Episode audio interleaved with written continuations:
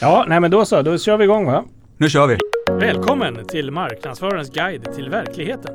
Häng med på guidad tur. Stort som smått inom marknadsföring, marknadsundersökningar, psykologi och mänskligt beteende. Det är en podd för alla som vill veta mer om sitt eget eller andras beteende. Med mig, Rickard Lundberg. Och mig, Magnus Linde. Vi sitter i poddstudion på Clarion Side Hotel idag igen. Men det är något konstigt för det regnar. Ja, Det och det är faktiskt tisdag, så vi Ja. ber om ursäkt för du lovade i något annat tidigare avsnitt här att det alltid är bra väder. Kom till Stockholm tisdag. varannan tisdag för då är det sol sa vi och det gick inte. Så nu har vi kört den också. Men Ja. det är väl eh, undantaget då Ja. som bekräftar. Men redan program två i höstterminen 22, 21 så, så blir det fel. Det jag ber om ursäkt för. Och jag tar på mig allt. Mm. Jag tar på mig regnrocken och går hem. Men det, det är annars, i övrigt så är det väldigt trevligt. Man fick smaka lite på att eh, livet börjar återgå. Vi var lite köer idag i Stockholmstrafiken. Det var inte igår kan jag säga. För min del i alla fall. Och, eh, och lite annat också som påminner. Eh, vi hade väldigt trevligt förra veckan. Det har vi pratat om här. Då vi startade upp säsongen med Hasses eh, reklamavsnitt. Och eh, Hasse som eh, för övrigt också sitter i Värnamo i Småland. Som finns en liten minibrygga då upp- upptäckte vi precis här till dagens gäst. För vi sitter ju faktiskt inte själva här idag. Nej, tack och lov. Tack och lov. Hur skulle det se ut? Ja, verkligen.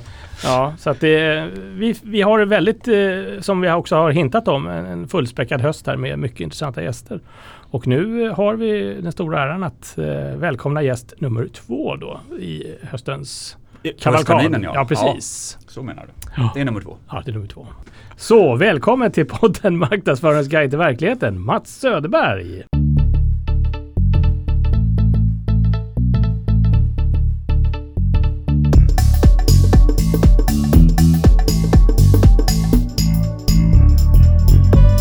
Tackar, tackar.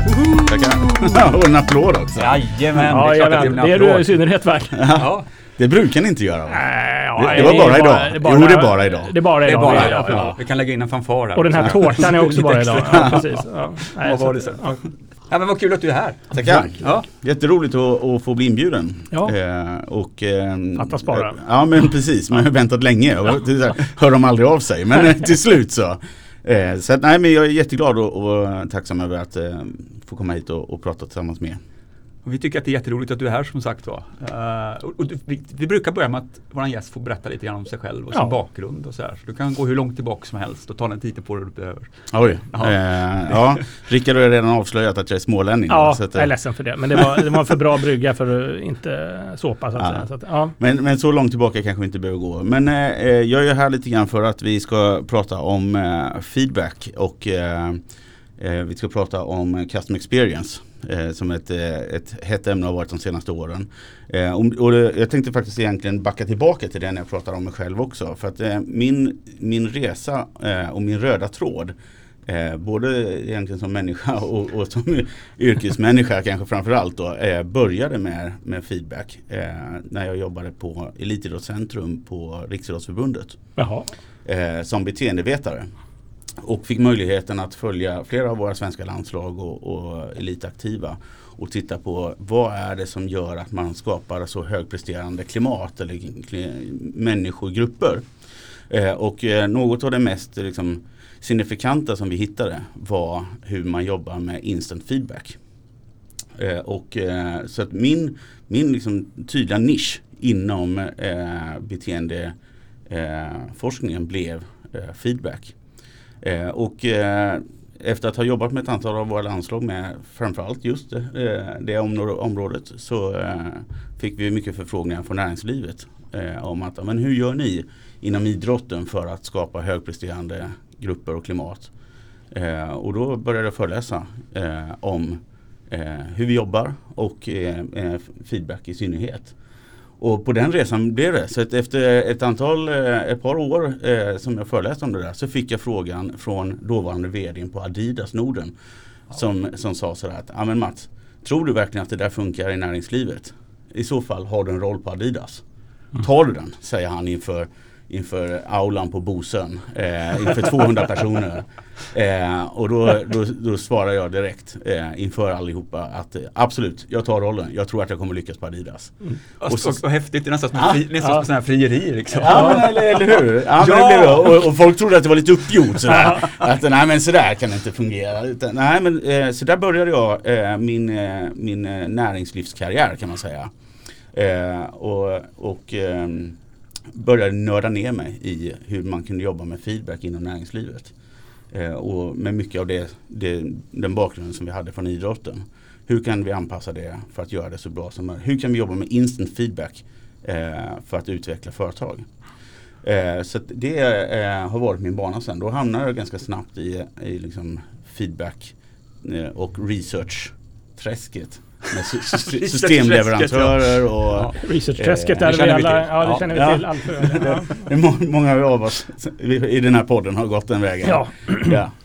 Eh, så att eh, eh, då jobbade jag med, eh, med eh, undersökningsföretag och undersökningsplattformar. Eh, framförallt med svenska lokala aktörer. Det finns ett företag som heter Quicksearch eh, som jag jobbade tillsammans med och var delägare i. Och fick möjligheten att eh, utveckla det som Gartner egentligen skrev väldigt mycket om som blev nästa generation av CRM. Mm. Enterprise Feedback Management. Så, Mm. Som de liksom förkortade E5. Eh, och eh, sen har vi, eh, när vi hade gjort det i tio år och eh, så, så etablerade vi en, en ny konsultfirma eh, och eh, som vi kallar för Castex. För att vi ville jobba mer med, eh, med feedback ur ett kundupplevelseperspektiv. Så, eh, kundupplevelse blev den, den större frågan och, och, och feedback blev liksom en av de mest vitala faktorerna för att kunna lyckas med att skapa en bättre kundupplevelse. Eh, så att det blev ett verktyg eh, och, och kundupplevelsen blev liksom den, stö- den större frågan som vi ville knäcka. Eh, och eh, det gjorde vi i 5-6 år och sen har jag eh, startat ett nytt bolag eh, inom samma eh, område men inom Differ Group. Så nu är vi 40 konsulter eh, i Differ och specialistkompetensen där som är bolagiserat heter Feedback Lab. Så idag har vi ett bolag som heter Feedback Lab. Och eh, jobbar i, i stort sett med samma saker men försöker hela tiden ligga i framkant med hur kan vi utveckla feedback till att bli det mest liksom eh, få, den, få mest ut av feedback. Eh, och eh, framförallt att i, i dialogen med kunder. Att få kunderna att vara en, en stor del i innovationen och utvecklingen i det vi gör. Eh, det är ganska intressant att du väljer ordet feedback hela tiden. Ja. För, vi, för vi är ju liksom lite mer skolade eller fast i det riktiga undersökningsträsket och då, då tänker man ju mer att vi gör en undersökning när vi frågar Ja. kunderna. Men här är ju faktiskt ett bättre sätt att se på det, att man får en återkoppling från kunderna, en feedback på vad vi har levererat och vad vi borde leverera. Ja. Och det är, jag tycker det är, en, en, det är bra att du tar upp det för det är en stor skillnad mellan undersökning och feedback. Och vi, för vi får ofta eh, frågan kring statistik och hur tillförlitlig är den här typen av, av undersökningsdata och eh, när vi har kundundersökningar och sådär så, så eh, hamnar man ofta i den eh, liksom att fördjupade analysen av, av liksom att vrida och vända på den typen av data som man kan göra i ett undersökningsprojekt Mm. som, är, som oftast eh, är ett tidsbegränsat projekt. Medan vi jobbar med feedback varje dag. Eh, och då kan man också säga så här att ja, men vi kan aggregera datan till att vara som om det vore en undersökningsdata och på så sätt vrida och vända på den och göra fördjupade analyser. Men vi kan också välja att se på varje värde hos en kund varje dag och säga att är den här kundens feedback till dig eh, mindre viktig om det är så att det bara är den kunden. Men det visar sig nu att det är din viktigaste kund som just nu har liksom synpunkter på att det, saker och ting inte är riktigt bra. Ja, då, då kanske det är så att ja, men vi ska ju faktiskt kunna ha- hantera enskilda individer eh, så väl som vi ska kunna hantera stora kundgrupper. Och därför är feedback liksom någonting som du varje dag kan jobba med och, och ständigt driva utvecklingen inom just kundupplevelse. Det är svårare med en, en mer klassisk kundundersökning. Där, där blir det mycket större penseldrag. Ja, så är det ju definitivt. Ja. Eh, lite trubbigare. Och ni jobbar mycket med, med öppna frågor och öppna svar och sånt där också då, eller? Ja men precis. Eh, det också kommer ifrån att vi tyckte inte att eh, undersökningssvaren eller feedbacken, Ja. nej, det blir inte riktig feedback när du får sätta ett kryss eller du ska svara på en skala 1 till 5 hur nöjd du är.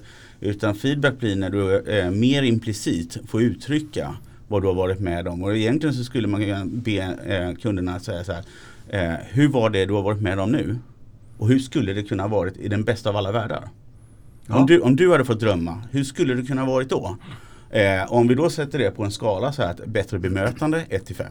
Eller något sånt där. Eller så, så, så ber vi kunderna berätta för oss hur det skulle kunna ha varit. Eh, och problemet med det har ju alltid varit att ah, men då får vi hantera ostrukturerad data, det vill säga förstå text. Ja. Och då måste vi sätta någon på att läsa all text och så, eh, så ska vi försöka klassificera det där. Men idag så finns det bra tekniker för att förstå text maskinellt och med AI. Så att vi förstår både vad texten handlar om men också eh, i vilket sentiment, det vill säga det känslomässiga uttrycket säger kunderna här. Så med det som utgångspunkt så kan vi då analysera som texten som om den vore på en skala.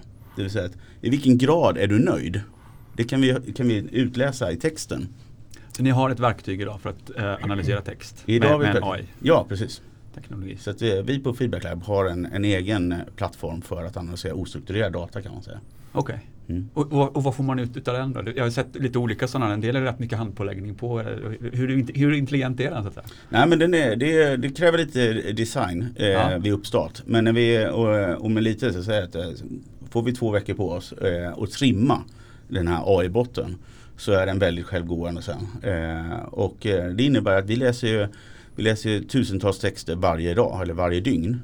Eh, och vad vi gör med texterna det är att vi klassificerar vad handlar texterna om.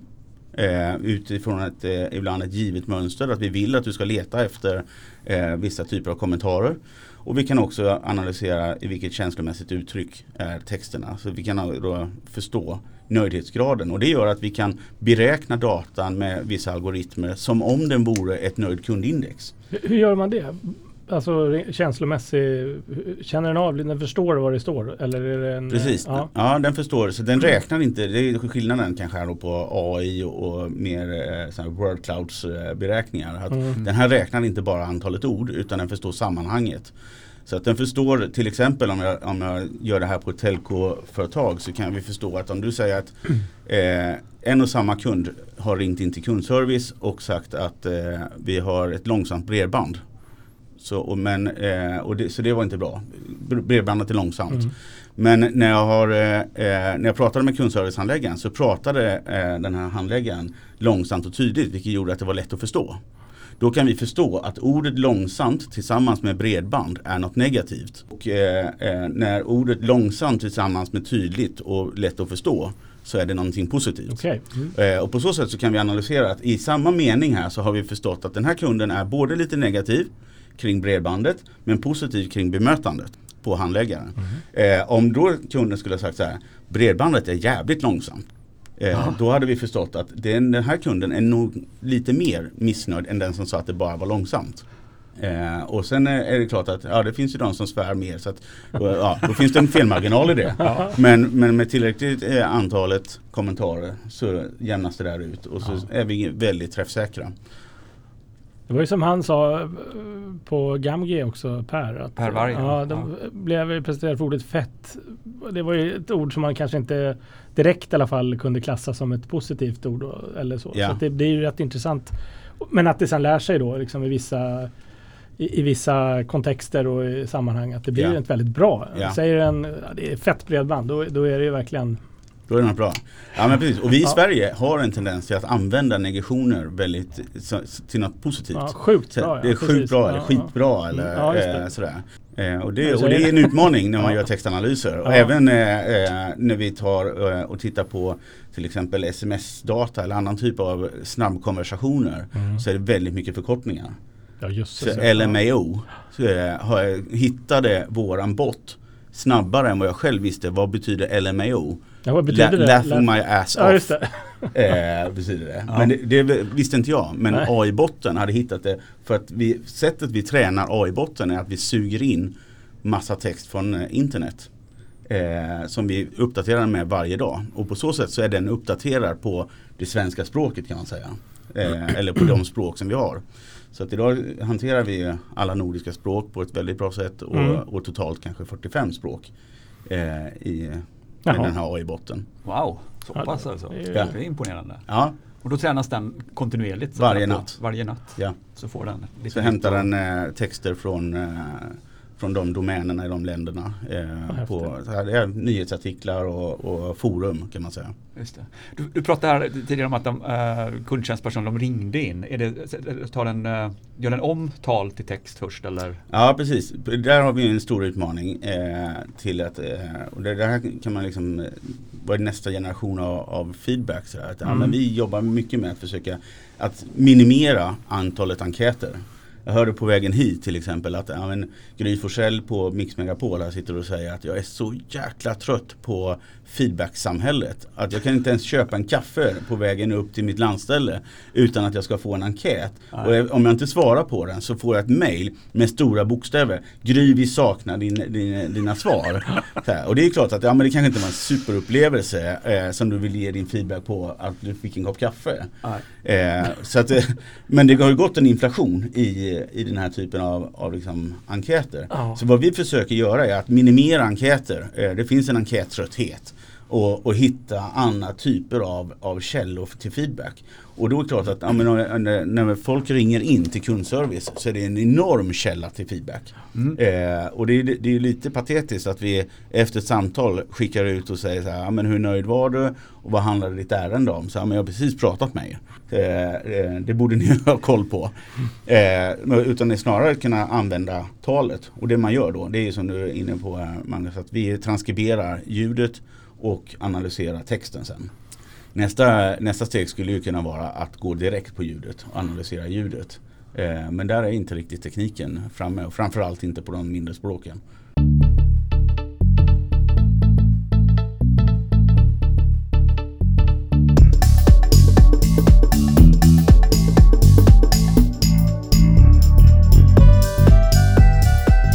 Men det, det, det jag var inne på, eh, var inne på er hemsida här innan. Det, det du pratar om nu, är det det ni kallar för omnichannel feedback? Eller? Ja det kan man säga, det är. Ja. Eh, så att fånga feedback i, i många kanaler och vi gör det med lite olika plattformar också. Så att vi, vi har inte bara egen teknik utan vi opererar på egentligen oberoende på, av plattform. Så att vi, vi Feedback Lab startades egentligen genom att vi såg gapet mellan systemleverantörerna och de stora konsultbyråerna och då pratar vi Big Five här. Mhm. Sådär. Och däremellan så finns det ett gap där systemleverantörerna är så sugna på att sälja fler licenser och de, eh, de stora eh, konsultföretagen vill sälja, sälja stora transformationer och stora program. Och här fanns ett, ett utrymme att hjälpa till med den erfarenheten vi har av att samla feedback och analysera feedback. Att designa, hur skulle eh, det här kunna fungera? Eh, sättet att fånga feedback, analysera den och få saker och ting att hända. S- Designen för det eh, och implementeringen av det oberoende av vilken teknik du vill använda. Och där tycker jag idag också en, en utmaning i om vi pratar omnichannel feedback. Så, eh, det finns oftast möjligheten att välja de stora platt, tekniska plattformarna eller eh, mer lokala eh, undersökningsföretag och deras plattformar. Eh, men, men behovet idag är oftast att hitta det som, som vi eh, kallar för mashup, att sätta ihop komponenter. Alltså vi sätter ihop CRM-systemet och eh, med affärssystem och kundservicesystemet och så får vi en kanal in eh, där vi slår ihop datan. Och då kan vi oftast analysera redan befintlig feedback men också använda CRM-systemen som ofta har hyfsade enkätverktyg eh, inbyggda. Att använda enkätverktyg men vi vill kunna få ihop det så att det blir ett sammanhängande feedbacksystem av det. Och då, då blir det en som, vad man kallar för mashup-lösning istället. Då.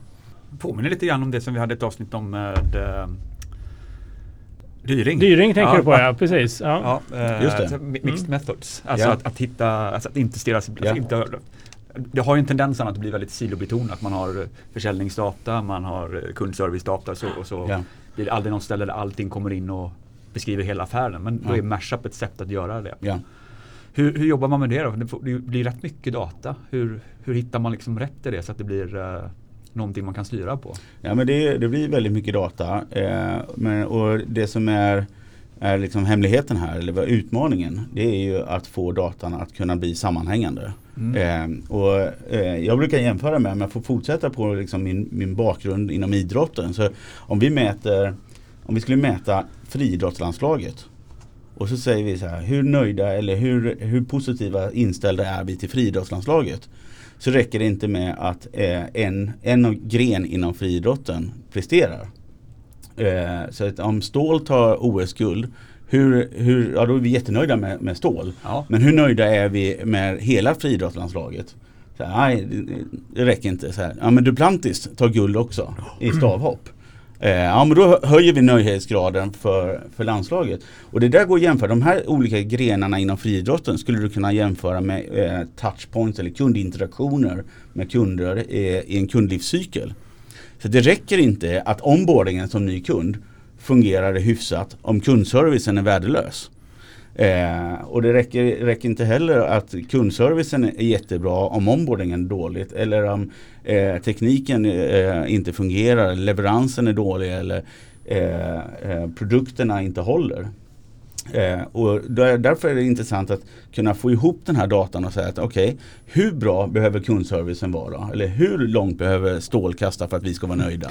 Vilken placering ska vi ha? Eh, och, och, då kanske det är så att ja, om, om, eh, om Duplantis tar guld så räcker det med att stål tar silver så ökar nöjdhetsgraden för hela friidrottsanslaget. Eh, men om Duplantis tar guld och eh, stål tar brons, eh, då sviktar vi lite grann. Där hade vi högre förväntningar.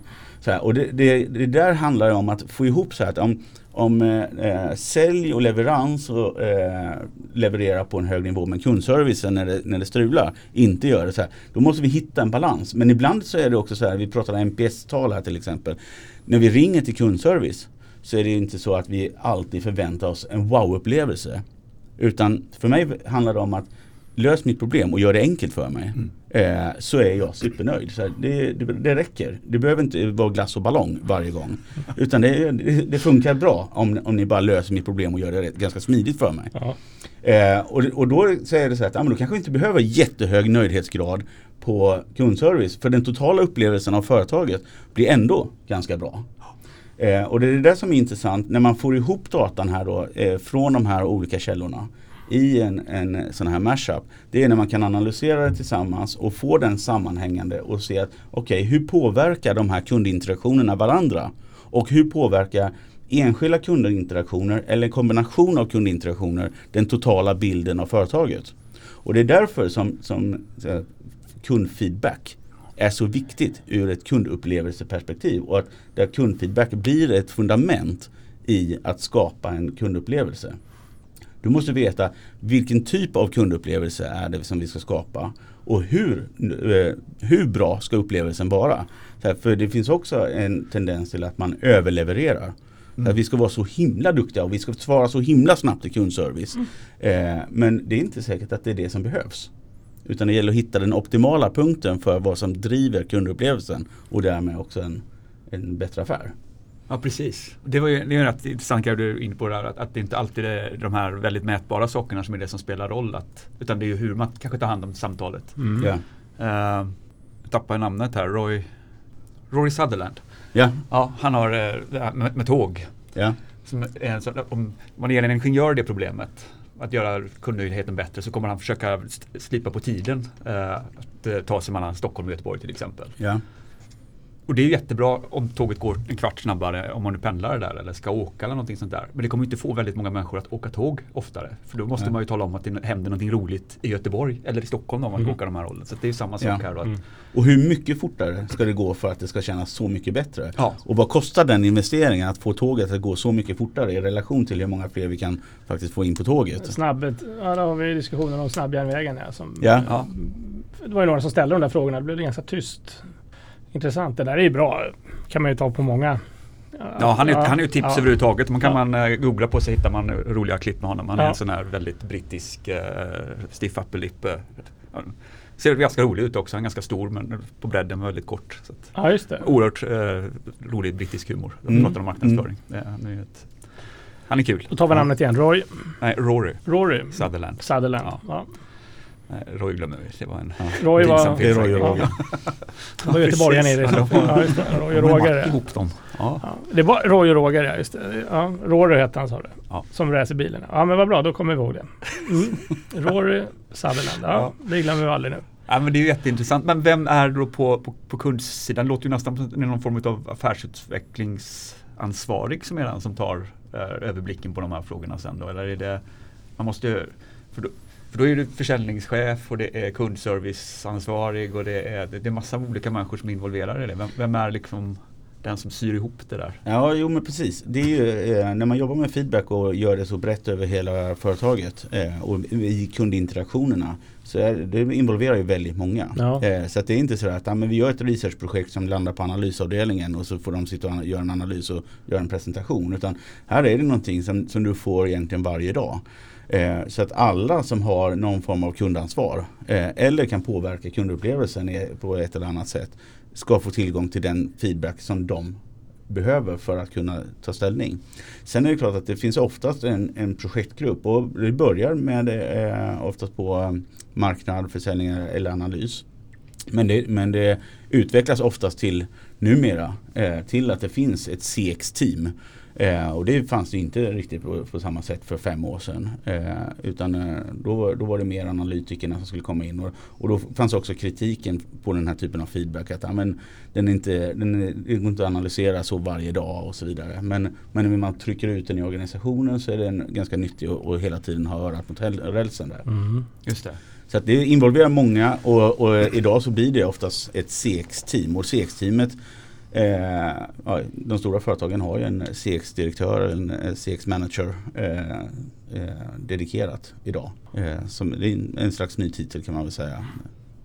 Eh, apropå din fråga om vem som är liksom uppdragsgivaren på andra sidan. Men, men, eh, är det bara givet de här större företagen då som kan jobba, som har en dedikerad, eller gör ni liksom en del av det annars? Till eh, lite mindre företag till exempel? Att ni har en liksom avlämning eller hur, hur, eh, hur levererar ni det här vidare? Ja, nej men, eh, det är klart att mindre företag kan jobba på det här sättet också. Det får man definiera vad ett mindre företag så ett, eh, ett mindre företag kan ju vara, eh, det är inte så många anställda men vi har mm. enormt många transaktioner. Eh, och för oss är det intressant när det finns många transaktioner eller många kundinteraktioner. Sen om det är få människor som rattar det bakom, så inom webbhandeln så kan det vara väldigt få människor ja. som rattar väldigt mycket kundinteraktioner. Eh, så är det intressant för oss. Vi levererar det eh, oftast i ett interaktivt dashboard som uppdateras egentligen varje varje dygn. Ja, ni har det? Vi har det, ja. Mm. Eh, som vi tillhandahåller. Eh, och där de kommer in och, och det är liksom eh, anpassade vyer utifrån den position du har på företaget. Så du får den feedback som du ska ha och ingen, ingenting annat. Mm. Behöver du se sen att ja, men jag vill kunna, kunna se hur min kundservicedata påverkar försäljningssiffrorna. Ja, då kopplar vi ihop det så att vi kan se att när ni presterar på det här sättet i kundservice då ökar försäljningen. Eh, så det, och, och, då är vi inne på att kunna korsa det som kallas för XO-data. Experience data och operational data. Eh, och, och, det är också så här, så ska vi fortsätta på metaforen inom idrotten så är det ju så här om vi tar friidrottarna ska hoppa eller kasta långt så räcker det inte om vi bara går och frågar om hur det kändes. Utan vi måste också mäta hur långt det faktiskt kom. ja, just det. Känslorna kastar bra. Ja, det, ja. ja. men då, ja. Så därför mäter vi inte bara eh, vad kunderna eh, känner och tycker. Utan vi tittar också på hur de beter sig. Eh, och det gör vi i den operationella datan. Eh, så att eh, det får vi också in i den leveransen och då kan vi korsköra och på så sätt kan man ju också både korrelera och prediktera hur datan och beteenden förändras. Så när migrerar kunderna i kundsegmenteringsmodeller till, från att vara en, en eh, toppkund till en, en medelkund. Så vad hände med en kund som, som beter sig på det sättet? Varför slutar en toppkund vara en toppkund? Mm. Eller vad är det som gör att en medelkund plötsligt blir en toppkund? Det kan vi då analysera och öka förklaringsgraden med genom att, att förstå vad kunderna tänker och känner och tycker i kombination med hur de faktiskt beter sig med klassisk CRM-data kan man säga, mm. eller affärsdata. Så att, ja, men eh, nu ökade försäljningen eller det är inom den här typen av kundsegment som försäljningen ökar när det här händer. Men de som, som eh, beter sig på det här sättet, eh, där, eh, där minskar försäljningen. Och det där har vi ett bra exempel inom ett av de stora streamingföretagen som vi hjälper. Och där följer vi hela kundlivscyklerna och där kan vi precis se, vi har gjort kunddatabasanalysen och gjort en kundsegmenteringsmodell och, kan, och i kombination med den här typen av, av kundfeedback så kan vi se när, när, på vilken typ av beteende eller när kunderna tycker att det är tillräckligt enkelt. Var går gränsen för att det ska vara tillräckligt enkelt för att du faktiskt ska hyra en film till eller titta på en film till eller komma igång med en ny serie. Mm. Eh, och då kan vi se att okay, eh, det är den här typen av mönster. När kombinationen av X och O-data ser ut på det här sättet. Då ökar kundens engagemang hos er. Eh, och när vi kan se det och, och, och, sätta ihop det till ett förenklat dashboard som gör att eh, alla kan se eh, de här mönstren. Ja, då är det enkelt också att affärsutveckla. Eh, och då är det oftast ganska implicita metoder sen att få kunderna att faktiskt bete sig på det sättet som är gynnsamt för kunden. Och på så sätt också öka engagemanget hos er som företag. Men hur ser processen ja. ut då? Går ni in och gör ett stort arbete först med de här analyserna och sen hittar KPI eller som man kan följa i dashboarden? För dashboarden måste väl ändå vara eh, ganska standardiserade kopior man följer? Ja precis. Ja, men det, och det ligger i det som vi kallar för designfasen. Att, ja. Eh, så här, vad är det egentligen ni behöver? Eh, och många gånger så, så har företagen en, en bild av eh, vad de skulle behöva men den är väldigt sällan för, förenlig med verkligheten. okay. Så med lite erfarenhet av att jag jobbat med den här typen så, så går vi oftast in och skruvar i den där bilden eh, och självbilden de själva har. Då. Så, eh, och, och säger så att men det kanske snarare är så här vi ska sätta ihop det. Men det är också vilka typer av förutsättningar har vi för att kunna få tillgång till odata, inte minst i GDPR eh, Just det. nu också. Så att få tillgång till kunddata som går att följa över tid genom kundlivscykler. Så det, så det är ganska mycket eh, säkerhet kopplat till det där eh, och hasha eh, Ja just det, för ni behöver ha någon form av single source, alltså ni kan följa kund, en, en specifik kund Precis. på olika tillfällen. Så ja. Det blir, ja. Eh, och det kan ju också vara så att ja, men, det är olika kundnummer i CRM-systemet som i försäljningssystemet eller ja. i, i kundservicesystemet. Men, men om vi då kan sätta upp och säga att om den här mailadressen och den här gatuadressen och det är en man. Eh, I den kombinationen så kan vi med en träffsäkerhet på 97% säga att det är den här personen med det här kund För det har vi i en annan data lake. Mm. Eh, så då kan vi sätta ihop och då på så sätt kunna analysera kunder hela vägen också. Ja.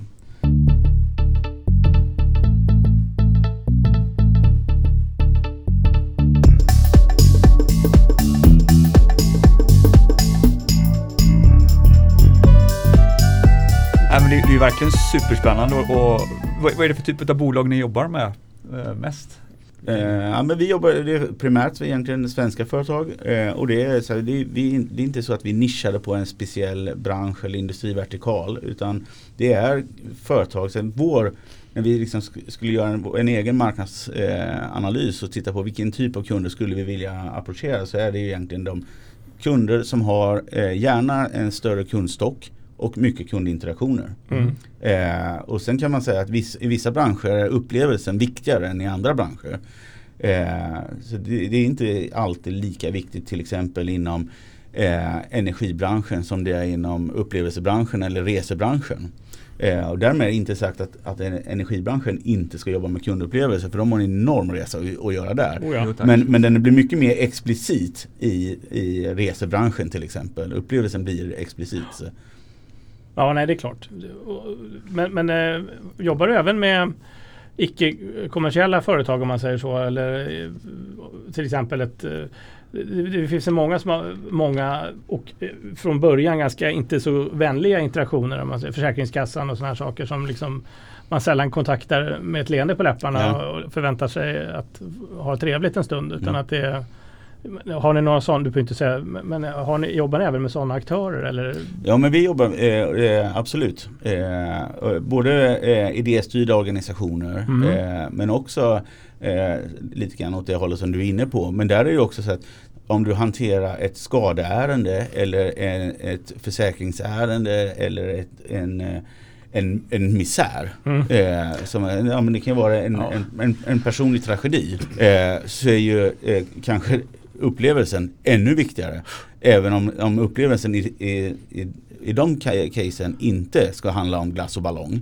eh, utan det snarare handlar om att, att bara få en, en, en tillit och ett, ett, eh, en trygghet i att, att det är någon som hanterar mig just nu. Så, mm. eh, så det, är, det är klart och då är det också så att det är klart KPI, så att benchmarka resindustrin mot den, den typen av, av verksamhet eh, blir, inte, blir inte rättvist. Nej, nej, nej. Eh. Så att det, det, kopiorna och måltalen får, får bli lite annorlunda. Men vi, vi jobbar med det, absolut.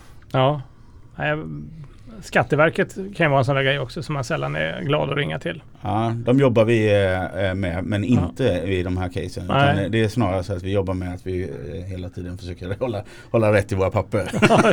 Där, där kan, där kan jag gå in och rekommendera att ringa till Skatteverket, skatteupplysningen. Fantastisk upplevelse här sistens när jag satt och inte förstod en sak. Satt en människa på andra sidan och kunde redogöra precis för mitt problem. Och jag kände mig så väl omhändertagen och glad dessutom. Ja, det, i, Där, myndighet, i, där hade jag velat ha en NPS-fråga, men det fick jag inte. I myndighets-Sverige så brukar väl de lyftas fram som de som har gjort en fantastisk resa under Ja. de senaste Ja. decennierna. Så. Ja, nej, det var otroligt. Men det, men det är typiskt när det, som du säger, Ja. när man en gång skulle vilja ha NPS-frågan, Mm. då får man den Då inte. man Men man får den i Ja. alla andra Ja, sammanhang. I vilken utsträckning skulle du kunna rekommendera att ringa Skatteverket? 10! Ja, det är verkligen, nej, det var otroligt. Alltså, mitt stora problem med den här frågan är att det är väldigt sällan jag kommer i en situation där jag skulle vilja rekommendera någonting. Jag kan vara väldigt Ja. nöjd med min Ja, visst. upplevelse på Skatteverket. Men skulle jag rekommendera dig att ringa till Skatteverket? Jag gör det. Varför skulle jag göra det? liksom? Ja. Eller som du var inne på det här också att man, man kanske inte vill ha en wow-upplevelse. Man går på McDonalds förväntar mig inte en wow-upplevelse. Men Nej. de kanske möter mitt behov Ja. eh, och mitt, det, det jag förväntar mig. Så att jag tycker det är Ja. bra. Men jag skulle inte gå ut på stan och säga ni måste gå på McDonalds. Nej, men det, men det, jag, tycker, jag tycker också att NPS kom väl eh, starkt i det här 2010 eller något sånt där. För en, Mm. eh, Ja. 10-15 år sedan och sånt där. Så, så kom NPS som en våg in. Och, och det, fördelen med det var ju att det, det var ett metric som man eh, dessutom kunde korrelera väldigt starkt med lönsamhet och, och marknadsandelar. Till skillnad från de klassiska nöjdhetstalen kanske. Men, men eh, de senaste åren nu tycker jag att ja, men NPS har, så här, nu har alla en, NPS-fråga i Ja. allting. Men det har börjat också diskuteras att ja, men det kanske inte är NPS-frågan som vi behöver just av den anledningen. Så att alla ska inte rekommendera eh, Nej, eh, konstig värld då. vad som helst. Liksom. Ja. Men då kanske det är bättre i vissa sammanhang så är det eh, som om du ringer Försäkringskassan eller Skatteverket att ha ett customer effort score. Mm. Så här, hur enkelt gjorde de det för mig Mm. att lösa mitt ärende?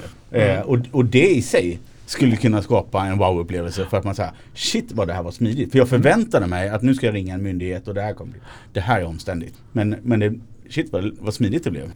Men det är ju den förväntansbilden som, som är det som, som företagen idag har den stora utmaningen i, i om man pratar kundupplevelse.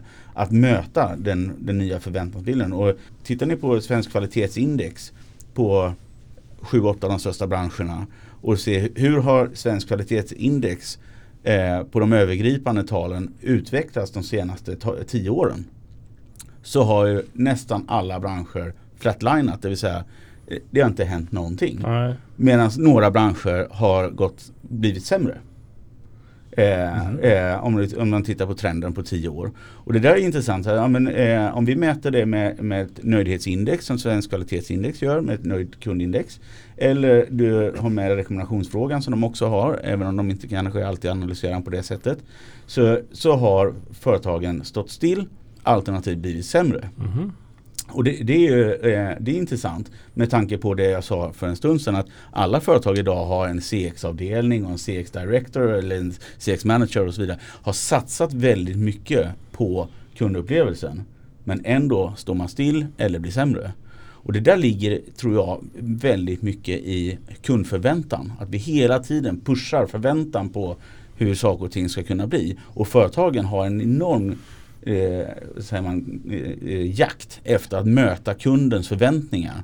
Eh, så att kundens förväntningar går ökar snabbare än vad företagen hinner leverera i sin kundupplevelse. Och de företagen som, som ly- lyckas leverera, det är de som får de här riktigt så här Shit vad det här var häftigt, vad, vad bra det här var eller vad enkelt det här var. Sådär.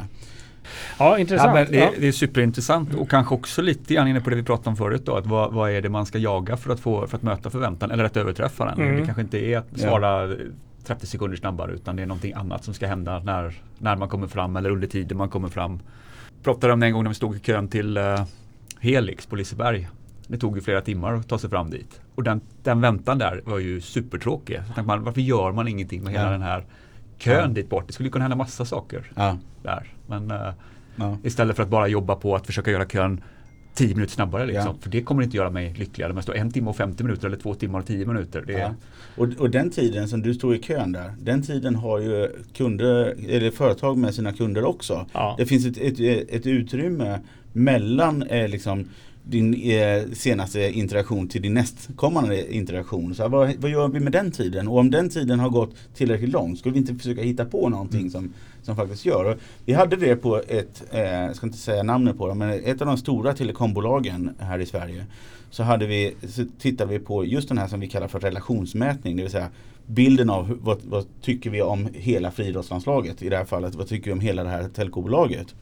Eh, och eh, det var ett telkobolag som hade väldigt låga siffror, eh, en hög kundmissnöjdhet.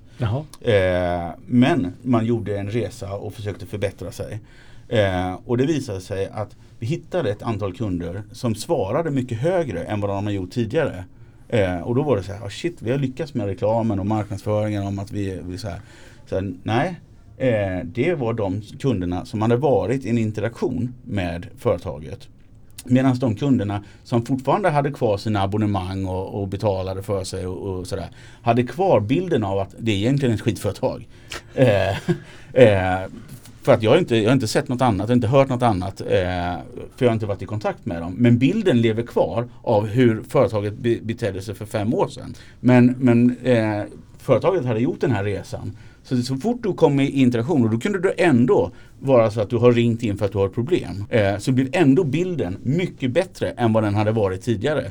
För att resan hade påverkat Så att eh, det, ibland så om du inte har så kundinteraktiva eh, interaktiva, eller så, eh, så tight så, så kan det vara bättre att skapa en interaktion Eh, bara för att visa hur bra du egentligen är. Eh, när man hittar de här beteendena, vad är det som gör att du är så mycket mer nöjd och, och har ett större engagemang i till exempel Netflix eller, eller någon annan. Mm. Så då är det oftast ett beteende som ligger bakom eh, som vi kan se i, i ordatan. Det är ett antal eh, du har hyrt eller du har tittat på ett antal gånger. Mm. Och vi gjorde det för, för betaltjänster för en, en, stor bank som skickade ut ett nytt betalkort. Mm. Och då såg vi ett nytt kreditkort var det.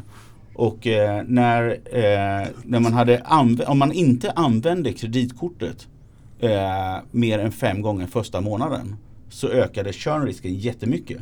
Eh, så då tog det ett halvår, sen, sen slutade man använda kortet och, och sa upp det.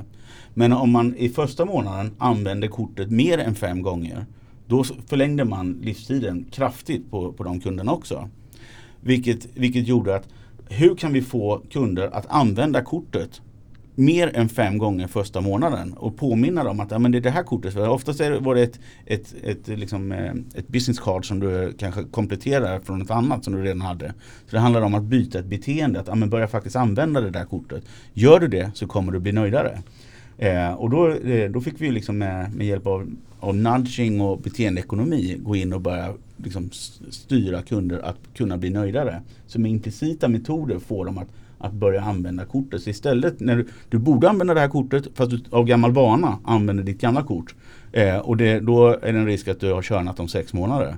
Så kunde vi se att ja, men om du använder det här kortet första månaderna då kommer du inte köra om sex månader. Så då får vi, får vi dem att och liksom fixa till det där. Och det är det du kan se i kombination av XO-data. Så beteende kopplat till, till liksom din upplevelse. Ja, och hur jobbar man med det sen då? Är det någon form av trial and error process då? Så att nu, nu, vi nudgar lite grann och så ser vi vad, vad händer nu? Ja. Får vi dem bli mer aktiva under de fem första månaderna och sen så, så spinner man vidare och bara sätter bygger lager på lager. Det är ja. där liksom build, measure och learn det, det är där eh, lab i feedback lab ah. kommer in. Så att eh, våga testa. Eh, och, och, ibland så kan det vara så att vi testar och testar och testar och så skriver vi strategin i, i efterhand eh, för att motivera det vi kom fram till. Eh, istället för att ja, men vi, vi behöver liksom fundera igenom hur, vilken typ av strategi ska vi ha här och så ska vi ha strategiworkshops och jobba igenom strategier i, i ett halvår innan vi faktiskt kommer till att, att våga testa någonting. Så, så handlar det om att ja, men vad är det här? Hitta de här analyserna och göra dem så att de är tillgängliga och sen våga testa. Och så lär man sig över tid vad som ja. funkar bäst och ja. kan optimera på det. Mm. Men då måste man nästan ligga på och göra det här kontinuerligt också för jag antar att beteendet förändrar sig sen. Så Absolut. man, man vänjer sig vid Precis. Med, ett mail eller en nudge som kommer på något sätt. Ja. Så får man ändra på ja, det. Det gäller ju att hitta någonting nytt hela ja. tiden. Sådär. Eh, och det är väl egentligen det som är så här. Ja, men man, kan inte, man kan inte sätta sig ner och vara nöjd med att ja, men nu, shit vilken bra kundupplevelse vi har skapat nu. Eh, nu kan man swisha heter det. Så, så när det swish kom liksom. Eh, så här, nu är vi nöjda med det, så här, men det räcker inte för då, då hamnar vi där att vi tappar 5 procentenheter i SKI. För att kunderna har, har vant sig vid det beteendet och nu förväntar man sig nästa. Liksom. Så här, ah, nu kommer det så att jag kan swisha med, med Face ID så här, smidigt. Eh, så det gäller hela tiden på att hitta någonting eh, som driver det framåt. Mm, och, och idag är ju ja. det den största konkurrensfaktorn. Så det går inte att konkurrera med, med pris och produkt. Eh, för allting är så tillgängligt. Så det är ju den upplevelsen som du kan konkurrera med.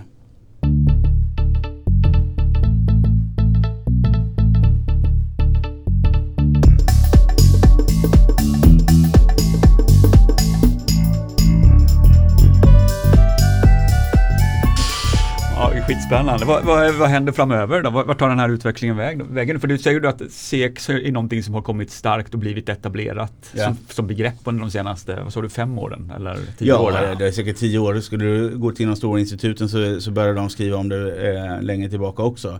Men jag tycker att de senaste fem åren så har det verkligen liksom kommit upp som en peak. Ja. Och vart tar det Eh, vägen då framöver? Ja, eh, jag, jag tror att eh, mycket av, av, av det här liksom handlar om vi tar feedback eh, och börjar med det. Mm. Så, så tror jag att det är just det här som vi pratade om, att det finns en enkättrötthet. Det måste hanteras. Det måste bli mycket mer konversation eh, med kunder. Och det är mindre, så här, det har varit ett fokus inom enkät och feedbackbranschen om att eh, fokusera så mycket på vad vi ska göra med resultatet snarare än hur vi ska eh, fånga data. För fånga data det är ju bara att göra en enkät. Eh, nu tror jag det kommer ligga mycket mer i att eh, datafångsgränssnittet. Eh, att, att eh, det kommer bli mer ostrukturerad data. Vi kommer mer hantera röst och vi kommer mer hantera text. Eh, och vi kommer behöva hantera röst i realtid. Så det är det ena. Det andra som jag också ser som en väldigt skarp trend det är att eh, saker och ting är just i realtid. Jag förväntar mig att om jag sitter på, på flyget och flyger mellan Malmö och Stockholm och eh, Eh, min, min, eh, min taxi inte är framkörd när jag landar. Så förväntar jag mig att taxibolaget har löst det eller skickat ett sms och redan eh, proaktivt eh, börjat lösa mitt problem. Eh, och där tror jag att det finns en, en liksom konkurrensfaktor att gå, gå till det proaktiva än det reaktiva. Eh, och, och lösa mer i realtid, att saker och ting bara funkar. Och där börjar tekniken också finnas. Så att innan har det varit så här att ja, men vi kan inte uppdatera data förrän på nattliga uppdateringar och sådär. Så det där måste hända hela tiden nu. Eh, och det, är en, en, ett, ett, det kommer bli ett paradigmskifte tror jag. Eh, proaktivitet från reaktivitet. Gud vad skönt. Eh, ja, eh, och, och jag tror att realtid kommer vara liksom ett, ett, eh, ett ord vi kommer använda väldigt mycket mer. Och sen eh, det, ser, ser vi på andra sätt, så tittar vi på Forrester och, och Gartner-rapporterna, vad de ser som för trendspaningar. Så här, så då är också eh, den här typen av mashup-lösningar som vi pratade om, att de stora plattformarna, nu köpte ju SAP för något ett och ett halvt år sedan eh, Qualtrics för 8 miljarder dollar. Den typen av, av plattformar eh, kommer ha ett behov av att vara, kunna vara mycket mer kundanpassade än vad de är. Så att man eh, har snabbare integrationer och det ligger i det här realtidsbehovet. Eh, än att, att ja, men våra API fungerar bara på det här sättet och vi kör nattliga uppdateringar på det. Så kommer tekniken att ha ett behov av att hela tiden kunna vara integrerad i väldigt många andra system och, och koppla ihop det på ett, på ett helt annat sätt än vad vi har gjort tidigare. Eh, så det, det, eh, och sen har man ju också gått ifrån att eh, Eh, de stora tekniska plattformarna har haft en strategi att vara mycket self-service plattformar. Så ni ska kunna köpa in den här licensen och, och oftast en ganska dyr licens men ni kan lösa allting själva. Det ser vi också, så här, det hinner inte företagen riktigt med. Så här, vi sitter inte och rattar en teknisk plattform, det får någon annan göra. Så att tjänstesektorn på det här, så här, eh, till en konsoliderad marknad som det är nu med när researchinstituten och de stora eh, feedbackplattformarna börjar köpa upp eh, varandra. Eh, så kommer tjänsteerbjudandet öka ännu mer. Så ett feedback lab tror jag har en bra framtid i detta. För att det finns ett behov av ett, ett mer tjänsteerbjudande än, än liksom att vara en self-service-plattform. Just att ni går in på, alltså ett stort företag köper in ett, ett, antal plattformar som de behöver för att samla data och sen så hjälper ni till med att faktiskt göra någonting, sy ihop dem och göra någonting, och analysen och göra Ja. något vettigt av det. Precis. Så det kommer vara en ny sektor som kommer växa Ja, jag. Ja. det tror jag. Spännande. Ja, det är intressant. Ja. Ja. Det är ju skitspännande. Och realtid, proaktivitet och integration egentligen är de Integration, tre ja. stora nyckelsakerna som Ja. kommer hända mer om framöver. Ja. Ja men det är intressant och det Mm, rimmar ju så väl med flera av de som vi har haft här tidigare och pratat. Eh, Ja, det känns så ja. Dyring, eh, Johansson från Svenska Spel Ja. var ju också inne på detta att, att det har gått ganska fort. Eh, Martin Johansson på Svenska Spel Ja. är, ju en, verkligen en gammal hederlig eh, marknadsundersökare och analytiker Mm. men säger också att den här de, eh, kvantitativa undersökningarna som man tidigare gjorde de, de börjar bli obsoleta för att det finns, finns, finns så mycket transaktionsdata som man får ut. Ja. Eh, så det är mycket mer den typen av analys men också hur sjutton syr man ihop alltihop till att bli Ja. eh, en fullskalig re- resa som man får. För det blir så mycket data nu för Mm. tiden som kommer från olika ställen. Så, att, så det är väl integrationen i det då. Men även proaktiviteten. Eh, det var han inne på också. Då var det spel problemspelarna som han pratade om när man tidigare bara kunde konstatera att vi har eh, x procent problemspelare. Nu kan Ja. man identifiera dem och säga att hur, hur tar vi hand om den personen? Ja, och du kan, du kan till och med göra att du är en risk, i riskzon. Så att vi Mm. kan han- börja hantera dig redan innan du missbrukar det. Precis. Just det, indikationer. Det pratar även igen då, apropå AI, Per om program-G. Mm. Det här att man kan identifiera saker innan det börjar liksom, när det börjar bubbla. När, Ja. man, när man börjar snacka om det i vissa läger och sådär. att- Och sen kommer det på större, liksom, när, den breda allmänheten tar åt sig saker och ting. Ja. Men då vet man om det, då har man någonting klart liksom och kan Ja. agera. Det finns ett begrepp inom AI där som kallas för Weak Signal Detection. Just det. Eh, som är just det där. Eh, och det, det kommer egentligen från försvarsindustrin från Ja. början. Att man börjar liksom eh, försöka pointa eh, när, saker. Vi använder, vi kallar det för veckans bubblare. Eh, Kaj Kindvall. Ja, Precis, precis. Eh, Poporama var det, eller var det Trax? Jag kommer inte ihåg. ja, nej, Trax va? Ja, Trax kanske, Ja. Bubblan var ja. Eh, och, eh, ja, men, och det är, eh, eftersom vi har oftast ett styrt sätt att lyssna på, på text eh, eller analysera text så, så kategoriserar AI-botten in eh, i de här ämnena eller topics som vi har sagt att de ska göra. Men den kommer också hjälpa till och säga så här att eh, här är något nytt som folk verkar prata om. Ska jag inte börja analysera det också? Veckans bubblare. Ja, Ja, det är Ja. riktigt ja, spännande. det är underbart. Ett spännande jobb du har. Ja, låter ju kanon. Ja, det är, det kul på jobbet. Ni, ni får gärna hänga på.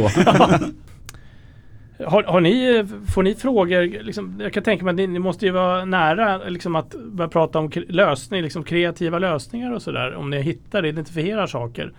Jobbar ni någon, tillsammans med någon där eller hur? Ja men eh, ja, dels så försöker vi lite själva men vi är Ja. väldigt små. Så att, eh, vi har mycket samarbetspartner. Ja, Eh, och sen har vi ju eh, vår moder eller vad vi ska kalla det som är Differ. Så att, eh, eh, med 30-40 managementkonsulter.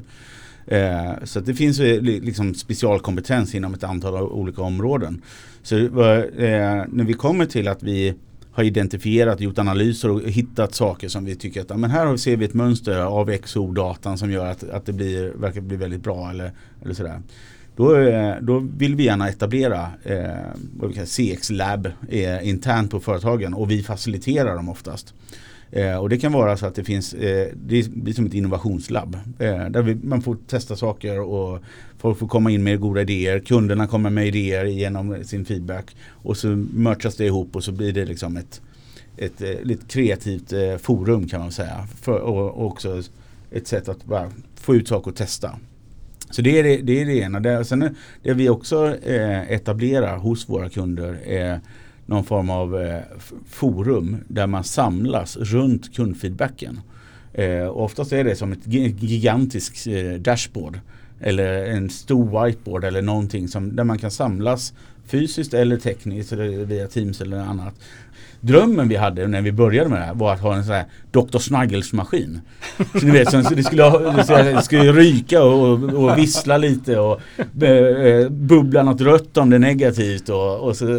Och så skulle man liksom eh, ja, hitta på en massa roliga saker som, som påverkar kunderna. Det var idén. Men det, det slutade med en, en torr whiteboard och, och magneter. Torrboard, whiteboard med magneter. Ja, ja. Så länge det funkar men det är fantastisk upp, uppslutning. ja. Det är vilket härligt Ja. Ja, eller hur? Ja. ja, riktigt spännande.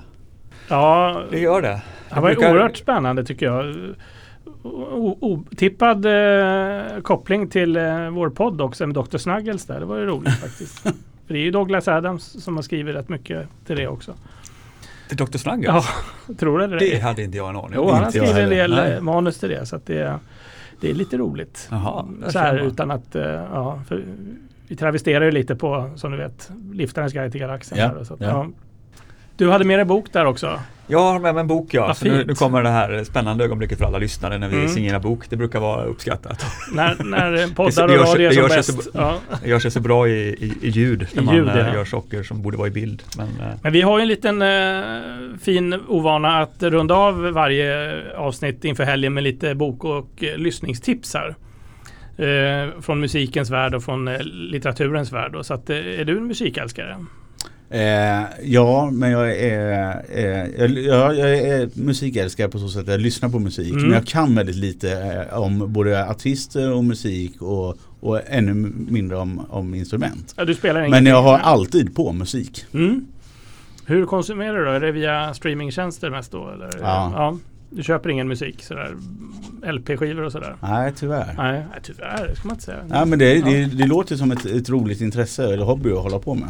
Men eh, jag har, Mm. har inte riktigt fastnat för det. Om du skulle ge mig ett tips på någonting att lyssna på just idag. Har du någonting i, som du kan lyfta fram? En, eh, En, låt eller en låt. artist eller en platta? Eller, ja.